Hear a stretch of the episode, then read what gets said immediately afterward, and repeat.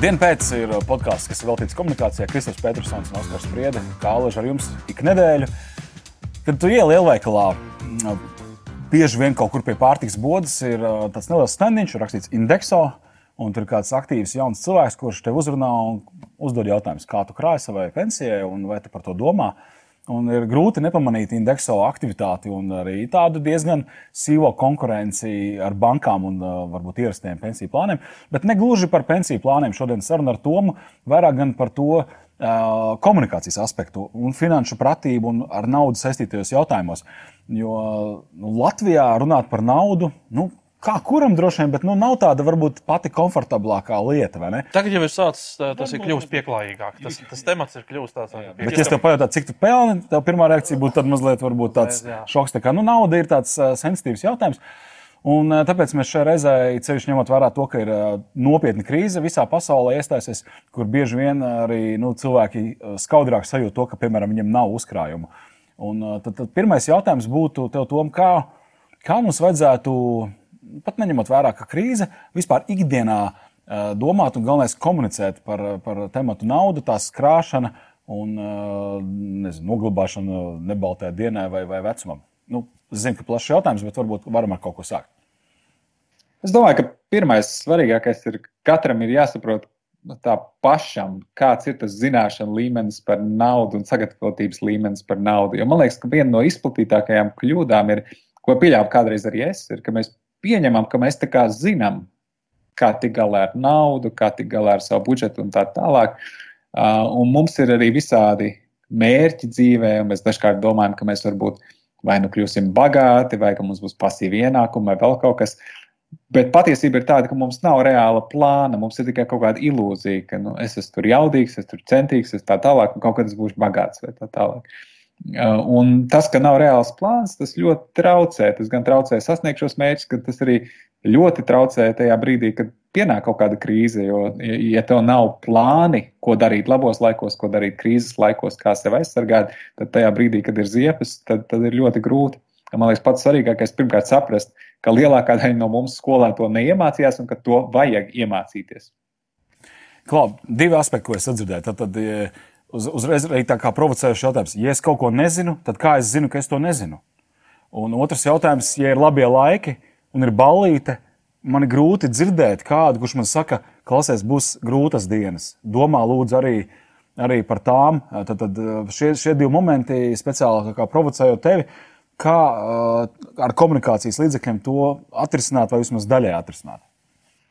Šeit ir ļoti svarīgi, ja tu gribi cilvēkam eh, radīt kaut kādu sajūtu, ka viņam ir jāgatavojas grūtākiem laikiem vai, vai nākotnē, tev ir jārada viņā emocijas, tev ir jārada, jā, jārada viņā tas, tas sajūta, kā tas būs tajā brīdī. Eh, un tāpēc arī gan uh, reklāmā, gan pārdošanā, gan visur mēs vienmēr strādājam pie tā, lai radītu cilvēkam nevis tikai tādu tīru savu intelektuālu izpratni, bet tādu emocionālu ainu, ko tas nozīmēs, ja, piemēram, pienāk krīze un, un tev nav uzkrājuma, lai parūpētos par savu ģimeni. Un tad, kad cilvēks uh, ir tādā pišķi emocionālā līmenī iedomājies to, sev ir uzzīmējis, uh, tad jau viņam tas kļūst reāli un viņš var to apstrādāt un uh, uz tā pamata kaut kādas uh, lēmumus pieņemt. Kamēr tas ir savs intelektuāli, tikmēr, nu jā, mēs visi zinām, ka pensijai jākrāj, ka budžetu vajag veidot un tā tālāk, bet ja tas nav emocionāli reāli, tad parasti nekādas darbības neseko.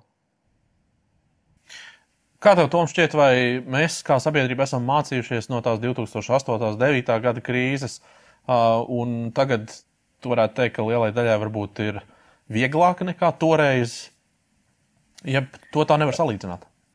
Pilnīgi neapšaubām, ja mēs paskatāmies uz, mācījušies esam gan kā indivīdi, gan, piemēram, kā banku sistēma. Ja mēs paskatāmies uz uh, to proporciju, cik Latvijas iedzīvotāji ir aizņēmušies par to, cik viņiem ir nauda bankā, tā ir daudz, daudz, daudz labāka. Mēs esam aizņēmušies daudz mazāk proporcionāli pret mūsu uzkrājumiem šodien. Tā kā, kā sabiedrība mēs esam daudz labākā vietā, lai pārdzīvotu un tiktu pāri šai krīzei. Un es domāju, ka arī šī kārtējā krīze, kas mums tagad ir pienākusi saistībā ar vīrusu, arī tā ieviesīs uh, šajā brīdī ārkārtīgi sāpīgas, bet ilgtermiņā zināmas liederīgas korekcijas. Un viena vien no svarīgākajām, ko es redzu, būs, ka ļoti daudz cilvēku sapratīs, beidzot sapratīs, kāpēc ir vajadzīgas tās sociālās garantijas un kāpēc mēs maksājam sociālās iemaksas un kāpēc ir svarīgi, ka ir bezdarbnieku pabalstu un, un, un, uh, un visas šīs pārējās lietas, ko mēs dabūjam, ja mēs maksājam nodokļus.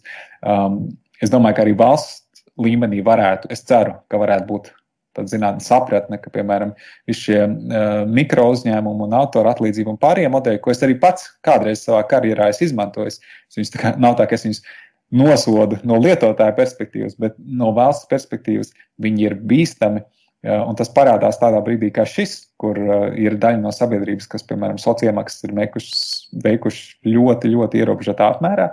Bet tad, kad ir šāda krīze, par viņiem tāpat ir jārūpējas, un tas ir jādara no valsts kabatas. Un, attiecīgi, es domāju, ka ir laiks pārskatīt un, un tomēr uh, ieviest sistēmu, kur visi pēc vienlīdzīgiem noteikumiem maksā nodokļus, lai tad, kad ir problēmas, arī pa visiem mēs varam vienlīdzīgi parūpēties. Atgriežamies pie komunikācijas uh, mazliet vairāk. Uh, Indekso ir, eh, nu, teiktu, agresīvs pārdevējs. Nu, es jau pieminēju šos aģentus, kas publiskās vietās medīja potenciālus klientus. Eh, un to arī vadīja dažādas meistarklases par finanšu pratību. Eh, kas ir tās biežākās iebildes, ko tu un to kolēģi dzird no cilvēkiem? Um, kas ir tie lielākie šķēršļi, lai viņus pārliecinātu, uh, turpināt sevi izglītot finanšu pratībā un uh, varbūt mainīt savus ieradumus? Pirmkārt, man jākomentē, es domāju, vārds agresīvs nav īstais. Vārds, ko es lietotu, ir proaktīvs, aktīvs pārdevējs. Un, tas ir arī saistīts ar atbildi uz šo jautājumu. Lielākais izaicinājums ieguldītājiem un, un, un teiksim, pensiju krājiem tā tālāk ir pasivitāte. Nākotne liekas tālu, un tāpēc mēs par to šodien tik ļoti neuztraucamies. To ir vesela virkni pētījumu, ka jo, jo tālāk ir nākotne, jo grūtāk to ir uz šodien attiecināt, un mēs nerīkojamies.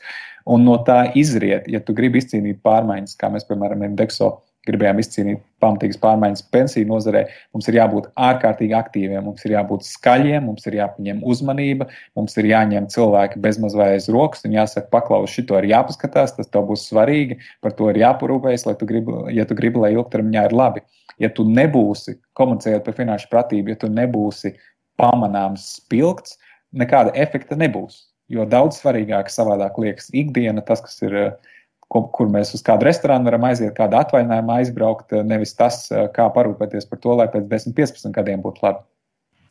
Tom, kā tu vērtē um, finanšu pratības uh, disciplīnu uh, izglītības sistēmā Latvijā? Izglītības sistēmā. Nē, es domāju, ka nu, tīri objektīvi finanšu pratību nemāca. Nu, nemāca un neiemāca. Noteikti man neviens, ne šeit, ne, ne arī ASV, man, cik es pēc tam uh, universitātē mācījos no finanšu pratību, neviens man neiemācīja. Tā, tas ir jāmeklē citos avotos. Un tas, protams, ir slikti. Uh, bet tur, tur vajadzētu reāli. Uh, tur pilnīgi vajadzētu izstrādāt veselu programmu un sākt ar to, ka tiek apmācīti skolotāji. Kam to vajadzētu darīt, tavuprāt? Nē, nu kā, nu, ja, ja kāds uh, aktīvs cilvēks izglītības ministrijā uzņemtos šefību un to virsīt, noteikti būtu iespējas. Bet jābūt vienkārši realistiskiem. Nu, jāsaprot, ka lielākā daļa arī skolotāju Latvijā saprotam iemeslu dēļ dzīvo un vienmēr ir dzīvojuši, un droši vien vēl kādu laiku dzīvos no algas līdz algai. Jo tās algas ir tik mazas, ka tur grūti kaut ko sākt iekrāt un, un nu, tādu būtisku kaut kādu personīgo kapitālu veidot. Tāpēc ir grūti prasīt, ka šie skolotāji, kuriem pašiem ir pieredze dzīvojot no algas līdz algai, ka viņi tagad ļoti veiksmīgi uh, mācīs finanšu pratību, ja nebūs kaut kāda spēcīga programma, kas sākotnēji apmācītu skolotājus. Un tad skolotāji varētu šīs zināšanas dot tālāk. Tagad tas nav, nu, tas nav tā pavisam viegli atrisināms pateikt, vienkārši, ka mācīsim tagad skolās. Nu, ko tu parasti saki tādiem cilvēkiem, kas saka, nu es jau tik maz saņemu, ka man jau īstenībā nav, nav ko atlikt, es jau neko nevaru atlikt? Kādi ir tavi argumenti? Nu, Protams, no vienas puses var teikt, ka vienmēr var, to parāda arī ir, ir daudzi pensionāri, kur no savām mazajām pensijām spēj kaut ko atlikt. Bet es, man, manā skatījumā tā nav tā motivējošākā atbilde. Uh, jo nu, realitāte ir tāda, arī, nu, ja es pelnītu uh, vidējo algu Latvijā vai zem tās, man būtu grūti kaut ko tur atlikt, ja tu gribi normāli dzīvot. Uh, tāpēc uh, atbilde, ko es parasti sniedzu, ir balstīta amerikāņu pētījumos. Viņ, viņ, viņiem ir tāds interesants ieteikums. Katru reizi, kad tev ir, piemēram, algas pie, pielikums vai tev palielinās ienākumi, pusi no pielikuma novirzi un sāc katru mēnesi iekrāt. Un otru pusi tu vari tērēt. Tas ir daudz mazsāpīgāk, jo mēs visi jau mākam dzīvot ar savu esošo ienākumu līmeni.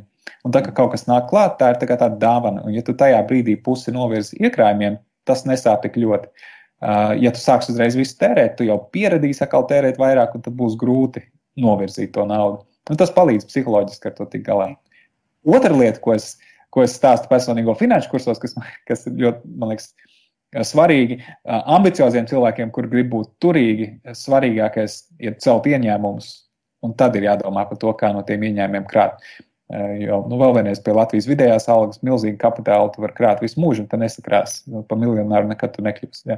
Pēc jāsaprot, kāda tev ir mērķi. Es tevī klausos un domāju arī par savām kļūdām, kaut kādas finanšu pratības jomā. Un domāju par saviem bērniem, un es aizdomājos atkal par šo komunikāciju. Kas būtu tādi kaut kādi triki vai padomi, ko tu ieteiktu komunikācijā ar jauniešiem, ar bērniem, kuri nu, sāk, sāk izprast naudas nozīmi un, un, un, un tos saistītos as aspektus? Kā ar viņiem runāt, lai mūsu nākamā paudze Uh, dzīvojot uh, valstī, kas nu, tomēr, lai vai kā, bet mēs plaukstam un zeļam un uh, iet ar vien labāk, lai, lai viņi nepieļautu tās kļūdas, ko, ko varbūt iepriekšējās paudzes ir pieļāvušas. Nu, tas tāds Tas tāds interesants jautājums, jo man pašam ir bērni viena gada un trīs gadu vecumā, un es te varu gudri, es varu gudri filozofēt, bet kā, būs praksē, to rādīs laiks, es nezinu. Bet mans pašreizējais pieņēmums arī ir arī kaut kā mēģināt kā izrunāt un ieskicēt tās dažādos scenārijus, kur, kur, kur tu dzīvē varētu nonākt un mēģināt to izdarīt tādā emocionālā tā kā, līmenī, lai, lai, lai tiešām saprotu, nu, iedomājies sevi. Tu vari iedomāties sev situācijā, kur tu strādā no 8 līdz 6 birojā, tad atnāc mājās, esi noguris, nostāties televizoru, liecies gulēt un no rīta dari to pašu. Vai arī tu vari iedomāties sev pozīcijā, kur tu esi brīvs, ja tu gribi, tu uzņemies kādu projektu, strādā, tu pelni, ja nē, tu aizbrauc uz divām nedēļām paslēpot kaut kur, gribās atkal pastrādāt, atgriezties strādāt. Tas ir tas, ko tev dod. Tas, ka tev ir kapitāls, ka tu esi parūpējies par savām finansēm, ka tu esi sev nostabilizējis. Bet, protams, tas jebkuram cilvēkam, kurš nenāk ar kaut kādu bagātu, bagātiem senčiem, nu, tas prasa 10 līdz 20 gadus dzīves, pat, pat ja tu par to rūpējies. Bet, nu, tāpēc, ja, ja tu vari ieskicēt šos dažādus scenārijus, es domāju, tas var būt ļoti motivējoši gan mācīties, gan attīstīties, gan arī uh, rūpēt, rūpēties par finansēm, lai tu vari dzīvot šajā modelī, nevis tajā rat race saucamajā, ja, kur tu visu laiku tikai jāskrien, jāskrien, jāskrien, lai samaksātu rēķinus. Jā. Nu, tad tas droši vien sakrālais jautājums ir, nu, mūsu paudzē pensijas būs vai nebūs? būs tā pensiju sistēma vai nebūs vēl? Uh, mums pensija būs tāda, kāda, par kādu mēs parūpēsimies. Uh, tur, tur ir vairāk mīti, vispār, par kuriem jārunā. Pirmais mīts ir, es līdz pensijai tāpat nenodzīvošu. Šito noteikti ir jāizrunā, jo, jo tas ir klasika. Uh, un uh, šī, šis mīts ir balstīts uh, pārpratumā par to, uh, kā, uh, kā darbojas, uh, nu, kā, kāda ir statistika par to, cik ilgi mēs dzīvojam. Pirmkārt, jā, vidējais uh, dzīves ilgums vīriešiem šobrīd ir 70, sievietēm 80. Tā kā varētu teikt, ka varbūt vīriešiem liekas, ka tik ilgi no pensijā nedzīvo. Bet interesanti ir statistika, ka tie, kas jau ir sasnieguši pensijas vecumu, vēl 18 gadus vidēji pavadu pensijā, Kāpēc tā statistika tā strādā? Tāpēc, ka daudz nomirst līdz pensijas vecumam. Teiksim, viņi nodzeras, nopīpējas un tā tālāk. Bet, ja tu par sevi bišķīgi parūpējies un, un, un esi sakopts un tā tālāk, un līdz pensijai nodzīvo, ir ļoti iespējams, ka tev 11 gadus pensijā būs jādzīvo. Būs diezgan daudz naudas vajadzīgs priekš tam. Un tāpēc tad, tad ir otrs jautājums, vai tad būs kaut kāda pensija? Uh, pensija ir pirmais pensiju līmenis, kas nāk no valsts, tas ir tas, ko mums maksā nodokļu maksātāji. Un ar to pirmo pensiju līmeni tur ir tas skepsis cilvēkiem pamatot. Tāpēc, ka pirmo pensiju līmeni maksā nodokļu maksātāji. Jo mums vairāk ir pensionāri, jo mazāk mums ir strādājošie ar demogrāfijas problēmām saistībā, jo grūtāk ir nodrošināt labu pirmo pensijas līmeni. Nu, kaut kas jau būs. Nu, ja šobrīd ir vidējā pensija 320 eiro, nu, tad kaut kas līdzīgs pēc inflācijas droši vien būs arī pēc 20, 30 gadiem. Nu, Latvija būs attīstītāka, bet uh, būs mazāk strādājušie, vairāk pensionāri. Nu, kaut kur līdzīgi droši vien būs. Bet no tie 300 eiro, mēs domājam, visi piekritīsim, nav, nav forša pensija. Uh, tad ir klāts otrais pensiju līmenis, kur automātiski krājas 6% no algas un tiek ieguldīts finanšu tirgos. Tur ir ļoti pozitīvi tas, ka tiešām pēdējo dažu gadu laikā gan ar indekso projektu, gan ar Latvijas bankas iniciatīvu ir pamatīgi sakritīts tirgus, ir ieviests viens no nu, tiešām ir zemes komisiju līmenis, kas atbilst labākiem Eiropas standartiem, un ir labs pamats domāt, ka otrais līmenis mums nākotnē uh, dos labu atbalstu. Bet arī tikai ar otro arī nav pietiek, pietiekami. Bet, ja cilvēks to pats iekrāja, un, piemēram, iekrāja trešajā pensiju līmenī, vai pats iegulda tirgū, vai nezinu, ja viņš pārzina nekustamo, varbūt iegulda nekust, nekustamajos īpašumos, vai kas, ja pats vēl piekrāja bišķīt klāt, nu, tu vari sakombinēt savu ļoti labu pensiju arī Latvijā ja viss paliks pašplūsmā, vai arī ja strādā mikro uzņēmumā, vai, vai uz autora atlīdzībām un, un, un minimāli maksā sociālās iemaksas, tad, protams, ka neko iedzīgu no pensijas nevar gaidīt. Tas ir nu, diezgan atkarīgs no, no cilvēka.